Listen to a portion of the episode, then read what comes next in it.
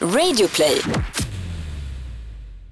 Det här är en killboll. Det är ett konstigt ord. We overcame nothing to be here. Basically tricks med skidor. Hej Frida! Hej Flora! Hur är läget? Det är bra. Ja, fint. Hur är det med dig? Ja, men det är bra tack. Flora, vem är du? Flora Wiström, 22 år. Bor vanligtvis i Stockholm, men just nu bor jag i Lissabon i två månader för jag eh, jobbar eh, som bloggare och skriver en bok. Jag skrev en bok som heter Stanna förra året. Eller den kom ut förra året. Och nu så vill jag skriva på min andra bok. Eh, det är hemskt eh, och ganska härligt, men väldigt hemskt. Ehm, och eh, så, så är det med det. Vem är du? Eh, Frida Vega Salomonsson. Jag eh, frilansar som, som eh, fotograf och sen så har jag en blogg på Bonn, en Instagram och en tidning som heter Nuda. Skulle du säga att du är en influencer? Nej, eller ja, Men du är ju jag en influencer. inte. Ja, säkert. Jag, jag skulle, men det är så här vad... eh, Jag heter... Det är som att det inte riktigt går ihop att vara vänster och vara influencer. Jo, det tycker jag att det gör, men, men jag tycker bara att det är så himla, vem säger det själv? Alltså jag förstår att det står influencer som titel på oss i något pdf-dokument hos olika PR-byråer i Stockholm. Men, det, men man kanske inte behöver, le, alltså, eller jag känner ingenting för det, jag kan absolut kalla mig för det. Men, eh, Ja. men, Jag tycker att vi ska reclaima influencer. men det, det är också något så jävla eh, kladdigt och äckligt med att säga att man, alltså influencer betyder ju att man eh, på något sätt har makt att influera andra. Det Ja, känns att man, man ger sig själv den medaljen. Typ. Ja, alltså vem är jag att säga att jag influerar andra liksom? Det har inte jag någon aning om. Och vet inte som jag vill, eller så här. Det är, ett, det är ett konstigt ord. Det är ett konstigt ord. Men vi har i alla fall haft den här podden i, eh, vad blir det? Alltså nu är det jättelänge. Typ Ja, flera år. Eh, och ehm, ja, just nu så poddar vi på distans. Jag sitter i min garderob i Lissabon och Vad du sitter i det låter att vi studion. poddar på distans. vi har distansförhållande Åh, båda. det är så himla cute. Gud, alltså det här med distansförhållande, det är ju eh, Just det, du har ju det på riktigt också, inte bara med mig, utan Nej, också med, med- viss, med ett min partner. Ja, mitt kärleksobjekt.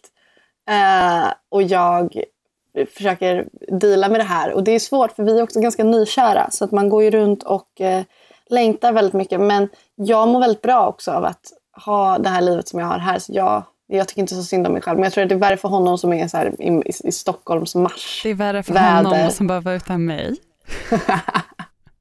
Å andra sidan har han alla sina vänner och inte jag. Men om vi bara stannar här en, en kort sekund. Hur långt har ni hunnit eh, botanisera er i alternativa sätt att ehm, ja, men liksom sexuell kontakt på avstånd? Eh, jo men vi har haft eh, Facetime sex. Har vi. Ja, med video? Eller, Med video. Mm. Eh, och det var något som vi också hade pratat om innan. Att så här, ja, men det är ju mysigt, det kan vi ha. Och sen så blev jag jättegenerad när vi facetimade och jag insåg så här, fan nu kanske vi kommer ligga. Men sen så skedde det ganska naturligt. För det är det som är så härligt när man, när man blir kåt. Att man liksom förlorar lite um, själv... Eller man blir inte så självmedveten. Ja.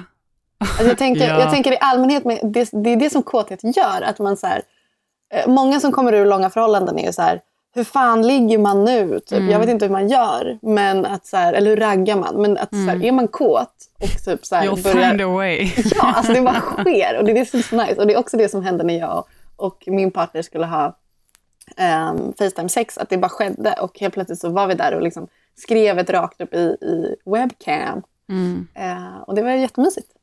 Ja, det är väldigt... ehm, jag var tillsammans med en person som var borta flera månader i sträck, ibland halvår, eh, utomlands. Så då hann man ju eh, ja, eh, explora en del på de vattnen. Liksom. Mm. Eh, det är ganska nice, alltså, det är någonting annat. Det är lite som att titta på Obviously. porr. Alltså det ja, blir... det är interaktiv porr typ. Ja, På något verkligen. sätt. När jag är här så kompisdejtar jag mycket för att eh, jag är en person Du som behöver... alltid mycket. Ja, fast i Stockholm så har jag, har jag inte samma möjlighet. För då vill jag underhålla de relationer jag har i Stockholm mer. Liksom. Nej men du har ju ändå utnämnt dig själv till någon typ av eh, kompisdejtsexpert. Ja, men det, det tycker jag ändå att eh, det, kan jag, det kan jag ge mig själv. Ehm, men då så träffade jag en tjej här som var svintrevlig. Ehm, och vi pratade om så här, hur det är att komma som tjej till en ny stad och om man känner sig trygg eller inte. Eh, och hon är här med sin kille och eh, de hade pratat om att så här, när de går hem på kvällarna så brukar de ta en väg tillsammans. Men när hon går hem själv så tar hon en helt annan väg. Mm. Ehm, och när hon hade berättat det för sin kille så hade han blivit jätteförvånad och liksom inte ens tänkt den tanken. Han, han liksom, I hans värld så fanns det inte riktigt att så här, hon måste ta en annan väg för att känna sig trygg. Att hon hela tiden vet att någonting kan hända. Och det är inte för att Lissabon är en sån stad utan det är för att det är så liksom, i, i det stora hela. Ehm, och att så här, det blev så tydligt då att det är så många killar i ens närhet som liksom inte ens reflekterar över faktumet att man kanske går med nycklarna mellan fingrarna. Eller tar en annan väg. Eller liksom ehm, är rädd. Ehm, och sen så pratade vi också om att hon, hon hade läst en artikel som handlade om vad folk är räddast för när de ska på Tinder-dejt. Eh, Och jag var tvungen att googla det här när jag kom hem och då så stod det att det var en dokumentär som HBO har gjort som heter When Strangers Click, Five Stories from the Internet. Eh, och då gjorde de en undersökning på heterosexuella där frågan då alltså var vad är din största rädsla när du ska Tinder-dejta? Eh, och då svarar tjejerna eh, that he's a serial killer. Mm. Eh, och killarna svarar that she's fat. Mm. Och då känner jag så här att eh, det blir väldigt tydligt ibland hur, hur man lever som på två helt olika planeter. Att det är så här, att ställa de här problemen mot varandra. Alltså det får mig att bara Ja. vilja sätta alla jävla heterosnubbar i en raket och sen bara räkna ner.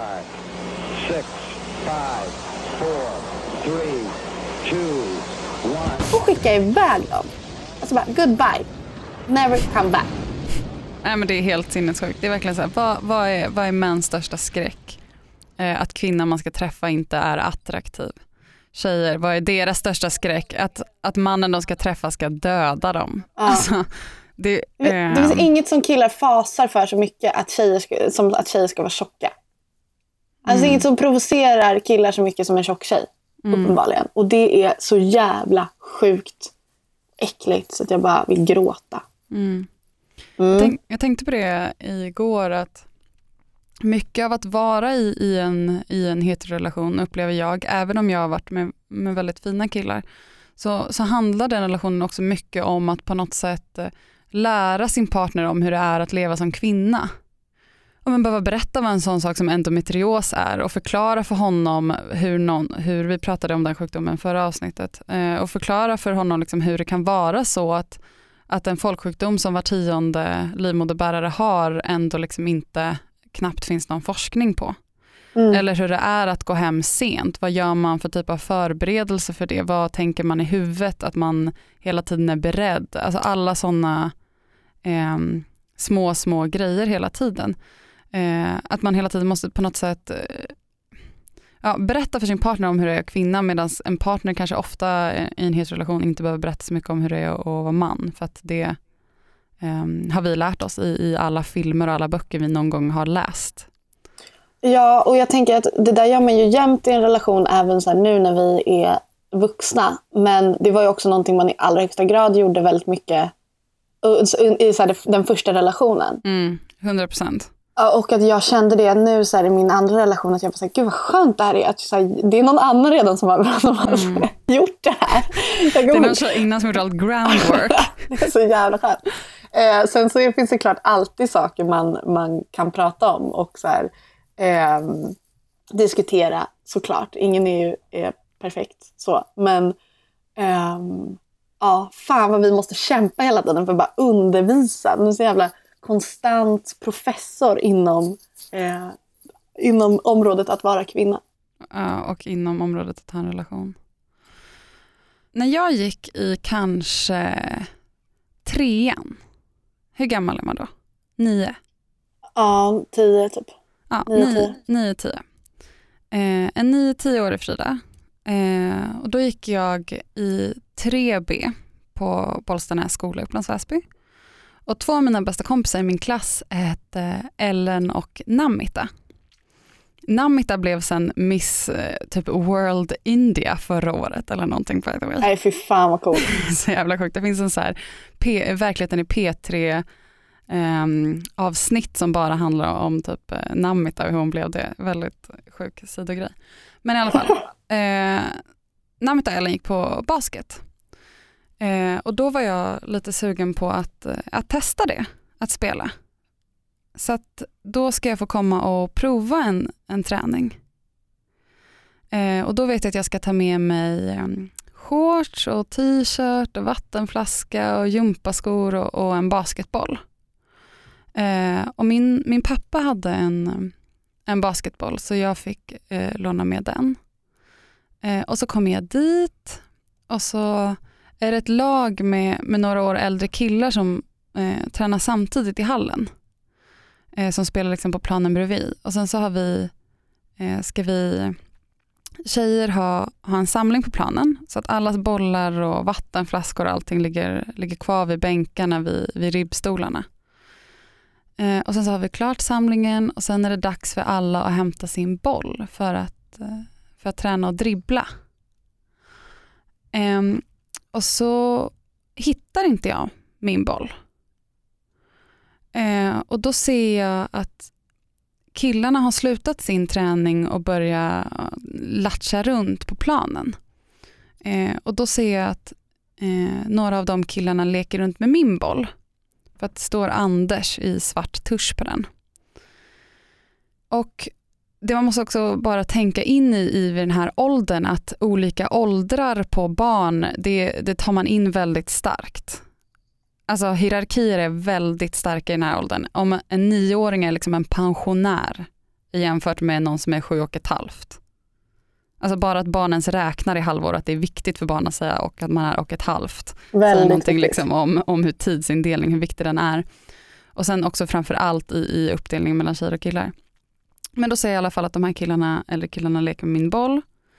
Eh, så då tar jag mod till mig och så går jag fram och eh, frågar om jag eh, kan få tillbaka min boll. Eh, och så börjar alla de eh, skratta åt mig jättelänge och säger att det här kan inte vara din boll. Det är fel storlek för dig. Det här är, det här är en killboll. Och sen så gav de den bollen till mig motvilligt och sen um, gick jag tillbaka till träningen. Jag vet inte om, om det här kommer fram så bra, men det är så här, Har tioåringar, alltså tioåringars kroppar oavsett om man är pojke eller flicka är ju lika små jo men jag tror att det var att jag hade också en, framförallt en vuxenboll. Ja. Men det var liksom skammen över att komma dit, ha med sig fel boll, Ja. en för stor boll och en, sen att de här killarna skrattat mig. Alltså jag gick aldrig mer på en till eh, basketträning. Sen ville Nej, inte jag gå på basket Nej, de sabbade det liksom för dig. Totalt. Mm. Eh, och, och det här är verkligen så här, inte, inte, en, stor, inte en stor grej. Liksom. Jag har exakt samma erfarenhet. Alltså, Men att det var liksom en så tråkigt att jag hade, jag hade en möjlighet här att, att få kontakt med, med basket eller liksom testa det och sen kom jag in i det rummet och det tar liksom tio minuter innan jag har tagit emot signaler med att, någon, att jag är fel, någonting jag har gjort är fel och att ungefär du borde inte vara här.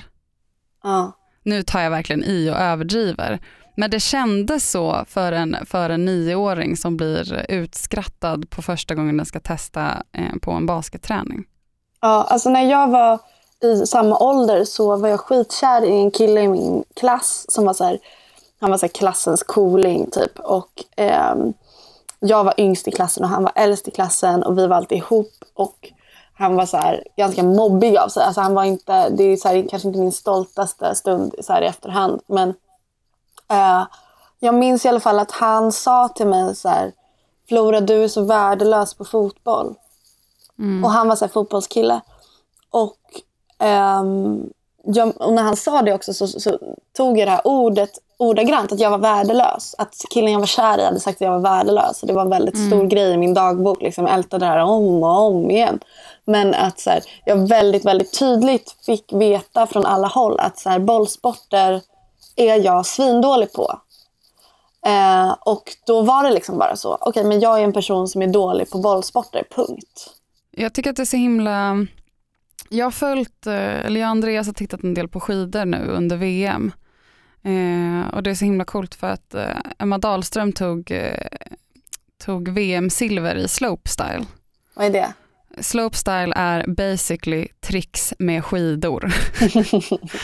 eh, men att man har, åker ner för en backe där det finns väldigt många olika, man ska göra flera grejer. Det finns så här rails och lite så här, eh, olika grejer på vägen. Sen finns det något annat där det bara är typ ett stort fett hopp om jag ska så här, göra en grej. Typ. Mm.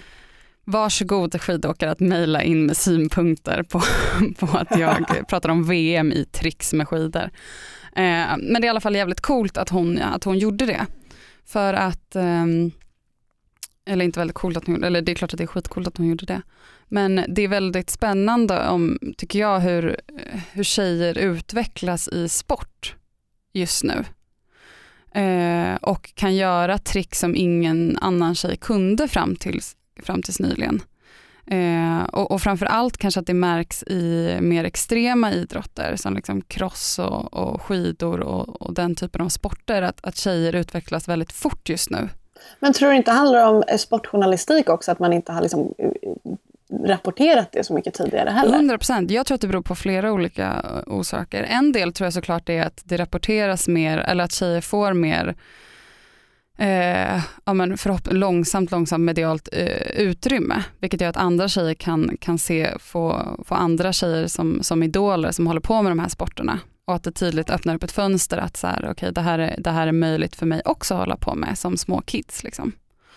Eh, och dels att, att tjejer successivt, ja, dels att man får nya idoler att titta på och sen så också kanske att man långsamt växer upp i ett samhälle där det ändå långsamt eh, blir bättre och bättre för tjejer att växa upp. Mm. Och att tjejer tidigare och oftare får möjligheter att testa sporter som tidigare varit mer reserverade för killar. Um, alltså om tjejer, det blir ju en väldigt tydlig uppdelning annars eh, om man har ett samhälle där, där killar och, och tjejer, nu, alltså jag vet att jag sparkar in öppna dörrar nu. Och obs att ehm. vi pratar om cis-tjejer och cis-killar men det förväntar vi oss att ni fattar, men det är bara en liten brasklapp. Ja, men att det är ganska, jag tänker att inom sport, eller man pratar ofta om olika, om hur killar och tjejer växer upp med olika förutsättningar och hur det tar sig i olika uttryck. Vi pratade tidigare till exempel om, om eh, hur kvinnor tidigare tränas i, eh, i att eh, visa omsorg och, och att eh, ta hand om och, och snappa upp signaler för andra som behöver någonting. Alltså att träna ja, mm. emotionell omsorg på olika sätt. Men det är också så himla tydligt i, i sport då, vad som blir skillnaden för tjejer och killar i, i förutsättningar tidigt. Om man tänker att eh, en kille tidigt får en sparkcykel och drar ut och lär sig att ramla och skrapa upp krä, knän och, och framförallt få självförtroendet i, i att se, kunna se sig själv som en sportig person och är van att utmana kroppen. Och så har vi en tjej i samma ålder som sitter inne eller kanske leker med en docka eller typ broderar då är det ju ganska, eller vem fan broderar idag? Okej, okay, men en som sitter inne och syr, gud så himla medeltida eh, aktivitet.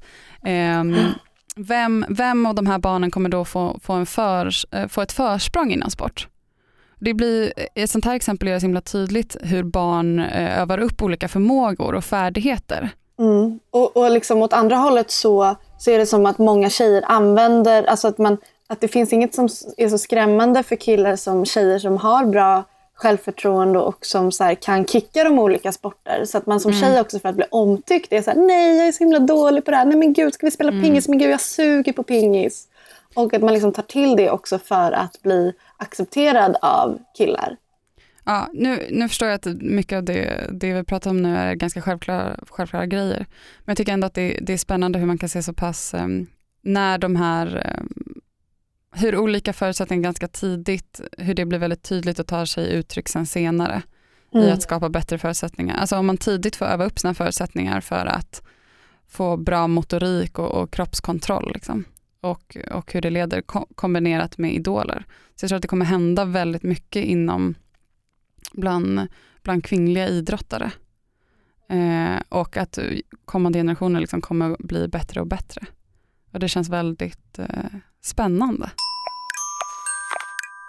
Gud, jag vet inte varför det här blir ett sportavsnitt, men jag var på Tempo filmfestival. Eh, men då visar de olika dokumentärfilmer och framförallt skulle jag se Maceos film. Eh, men innan den filmen så visades en film eh, om Östersunds FK, eh, som är en fotbollsklubb up north, eh, som plötsligt hamnat i, eh, eller som plötsligt, gud, gud vad det är, från ingenstans, men som eh, kommer med i Allsvenskan. Eh, och i Östersund så betyder ju fotbollsklubben såklart väldigt mycket för stan och att alla spelare är såklart förebilder för alla kids där. Mm. Eh, och de har gjort ett så himla häftigt projekt där de har en kulturcoach för Va? laget. Ja. Vad innebär det? Det innebär att de, ehm, de eh, får, låter spelarna eh, liksom också jobba med olika kulturgrejer som en lika självklar del i deras schema som att liksom träna annat. De hade någon eh, bokcirkel där de fick läsa olika böcker och då också hade läsprojekt med att de spelarna åkte ut till olika skolor och, och läste med barn och så för att uppmärksamma att, att kids ska lära sig läsa och att det är viktigt att läsa. Och sen så har de haft eh, eh, dans och det var det den här dokumentären handlade om. Där man får följa dem när de får in dans på schemat. Och det är liksom inte, det här är liksom eh, professionella fotbollsspelare eh, som plötsligt eller som får in det här på schemat och det är liksom inte heller frivilligt utan det bara, det bara ingår i Gud, att spela i laget. fint. Eh, och det var så himla himla fint att se. Eh, och då pratar de om det att det är anledningen till att de gjorde det här med att ha det här kulturcoachen och att de känner att det har skapat en bättre dynamik i laget på flera sätt. Bland annat för att eh, spelarna, eh, för det är, också, det är ju spelare som är liksom från massa olika länder eh, som kanske inte har liksom känt varandra since forever utan det är ju folk som är ihopsatta till ett lag för att de är inköpta liksom, Ja. professionellt. Eh, men att det är så viktigt för spelarna att kunna se varandra som människor. Eh, och, och att kunna vara en del av samhället runt omkring dem och kunna vara nära varandra. Att kunna kramas och göra bort sig och liksom fjanta runt. Istället för att ha den kanske mer klassiska machoattityden där alla bara är fotbollsspelare som ska gå ut och göra sitt och hålla käften. Mm. Eh, med grundtanken att man vinner fler matcher och man blir liksom modigare också utanför planen. För då kan man göra det på, på planen också. Så jävla klokt. Det var väldigt, väldigt fint eh, med alla de här spelarna från 8 till 9 länder som bara verkligen så gick in och gjorde det här 100, 100% så får man följa dem när de liksom, eh, dansar balett och så. Och då säger någon från klubben också att för oss hade det handlat om att hjälpa, att hjälpa spelarna utvecklas, inte bara på planen utan också som unga män. Många av dem kommer inte att fortsätta vara fotbollsspelare hela livet utan måste kunna hantera övergången till den riktiga världen, till att bli någons make eller pappa. Och det är viktigt att de utvecklas till bra människor. Det garanterar inte att vi vinner fotbollsmatcher men det är så vi vill driva, driva vår klubb. Det är så jävla fint tänkt. Alltså Det är jag, så otroligt fint att, att bryta den eh, sportmachokulturen med, med en så här grej. En sån här grej. En av spelarna kom till Sverige från Nigeria när han var 19. Och då har han en sån himla klockren analys av hur det är att gå ut eh, i Sverige. Han bara, det är lite tråkigt att gå ut och dansa i Sverige eh, för folk vet inte riktigt hur man dansar. Eh, alla killar liksom bara hoppar upp och ner. De har liksom aldrig movesen och bara båda eh, eh, att man liksom blir trampad på väldigt mycket. Det var en väldigt rolig analys för ofta när man är ute på klubb så är det liksom att så killar står i så klungor och så här hoppar typ i takt mer än att dansa. och jag kan inte tänka mig något värre än killar i klungor som håller varandra om ryggen och hoppar i takt. Jag vet för det är som ett helt så här fotbollslag som närmar sig en liksom långsamt. Ja. Eh, det finns en komiker som heter Bo Burnham som eh, besöker Conan O'Brien eh, och jag brukar tycker väldigt mycket om Conan, brukar titta väldigt mycket på YouTube. Eh, och då tyckte jag att de, ehm, ko- komikern Bo Burnham eh, besöker Conan O'Brien och det här är ett, ett YouTube-klipp från det avsnittet som jag tyckte var väldigt roligt som handlar eh, om att, att lyckas och eh, som handlar om eh, personers olika förutsättningar att, att lyckas. Don't take advice from people like me who've gotten very lucky. You know, we're mm. very biased. Like Taylor Swift telling you to follow your dreams is like a lottery winner saying, "Liquidize your assets, buy Powerball tickets. It works. Yeah. You will get. You just you won't. It's it's comp- she's I work really hard. I think I have some ability, but I also got really lucky. Mm. And when some people act like that's not part of it, it makes me a little crazy. yeah, of course. And we're tall white guys. We overcame nothing to be here. there was nothing standing in our way, and we barely got here. You have no chance. Det är väldigt, väldigt bra på slutet också. And we're three white, tall white guys. We overcame nothing to be here. Nothing was in our way. Det är så jävla jävla sant. Alltså gud vad det där... Jag, jag, jag blir fascinerad över att folk fortfarande på fullaste allvar säger så här, du klarar vad som helst, du kan nå vart du vill. Alltså det är fortfarande en legit sägning som så här, lyckade människor säger. Ja, och att det är typ legit att ta karriärsråd från typ någon som Justin Bieber. Det har vi ju pratat om många gånger, men att det är ett så himla liberalt sätt att se på världen som är så himla... Det finns liksom ingen klassförankring eller någonting i det. Utan det är bara så här, du kan nå dina drömmar om du bara kämpar tillräckligt hårt. Och man bara, ja fast det kanske inte alls går. Jo men det är, de, de pratar också vidare i det här klippet om att Conan säger att han, att han alltid eh, såklart kämpar och gör sitt bästa. Eller att han verkligen har liksom kämpat hårt såklart. Obviously. Men att man glömmer bort att, eller inte glömmer bort men det är viktigt att tänka på att så himla stor del är tur. Ja. Sen är det ju så att det räcker ju inte med att inte göra någonting och bara ha tur. Eh, utan det krävs ju båda delarna. Så det, det är klart att om man har en ambition om att göra någonting så är det ju inte det, är inte det, det jag, jag vill liksom inte dissa det. Eller det, man måste ju kämpa på så mycket man kan. Mm. Som tjejer är man ju också van att förminska sitt hårda arbete. Och jag kan vara lite så här, ja, men förut så sa jag så här, ja, nej, men jag ska sitta och skriva lite idag. Men nu kan jag vara mer så här, men jag ska jobba idag. För att det här är mitt jobb. Och det är också jätteviktigt att så här, absolut inte förringa att man lägger mycket tid på sitt arbete. Men att man måste alltid komma ihåg att det liksom finns fler parametrar än att man gör sitt jobb bra. Ehm, och det är ju det han snackar om i det här klippet också. Ja, alltså det här med att lyckas är ju väldigt abstrakt. Jag kan ju så här, rent objektivt se att folk så här, tänk, ja, men så här, att jag har lyckats för att jag har gett ut en bok. Och så här, i vår kultur så är det typ det mest prestigefyllda man kan göra att så vara en författare och ha gett ut en bok. Ehm, och samtidigt så betyder ju inte att man har lyckats att man nödvändigtvis är lycklig. Jag skulle säga att jag är ganska lycklig men det går ju upp och ner. Liksom. Jag, jag är nog mest tillfreds. Liksom. Och ganska olycklig ibland. Hur som helst så, så var det verkligen så att när jag stod där med boken i handen så var jag så här, jaha men är det här allt? Ska jag inte känna mer än så här? Och eh, att det blir ett väldigt här, stort antiklimax också. Att man hänger upp sig på den där stunden. Att bara jag når hit, då kommer jag vara lycklig.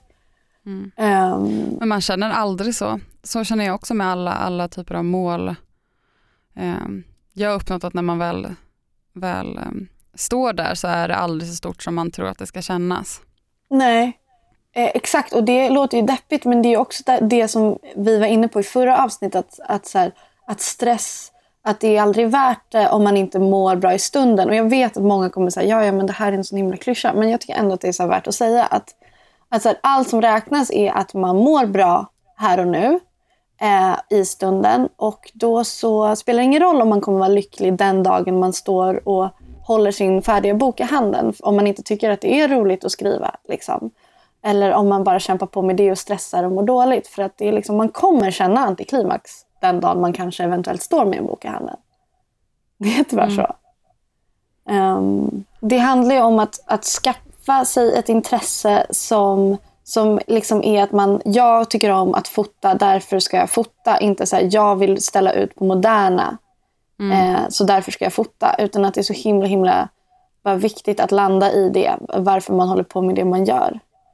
Ehm, och eventuellt så lyckas man, men som sagt, det behöver inte nödvändigtvis betyda att man är mer lycklig då. 100 procent. Gud, det är min nya catchphrase. 100 procent. 100 procent. Eh, Vi har fått en hälsning av en lyssnare. Ja, precis. Vi uppmuntrar ju nu till att eh, skicka in ljudfiler. Alltså inte med vad som helst. Jag vill inte ha typ en prutt. Utan med kanske frågor eller funderingar eller någonting man har hört i avsnittet som man har någon kommentar på eller tycker att vi ska eh, säga något mer om. Eh, och då fick vi in det här meddelandet. Hej Flora och Frida. Eh, Jag heter Alexandra och jag skulle vilja skicka en liten hälsning via er till min bästa vän Saga som jag vet älskar er podd och som sitter och lyssnar nu definitivt. Eh, Hon och jag brukar lyssna tillsammans eller så brukar vi prata om avsnitten efteråt och eh, vi tycker båda om podden jättemycket. Så ja, jag kan tänka mig att hon är rätt förvånad nu. hej hej Saga!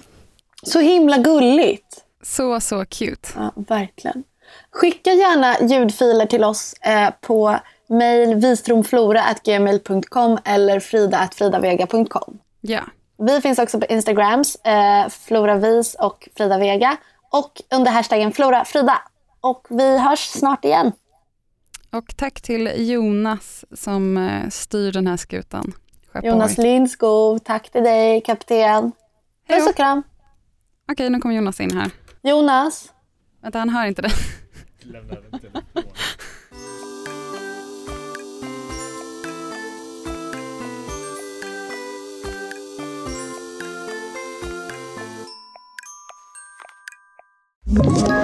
Ett poddtips från Podplay.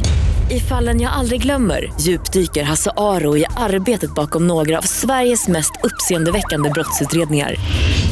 Går vi in med hemlig telefonavlyssning och, och då upplever vi att vi får en total förändring av hans beteende. Vad är det som händer nu? Vem är det som läcker? Och så säger han att jag är kriminell, jag har varit kriminell i hela mitt liv men att mörda ett barn, där går min gräns. Nya säsongen av Fallen jag aldrig glömmer på Podplay.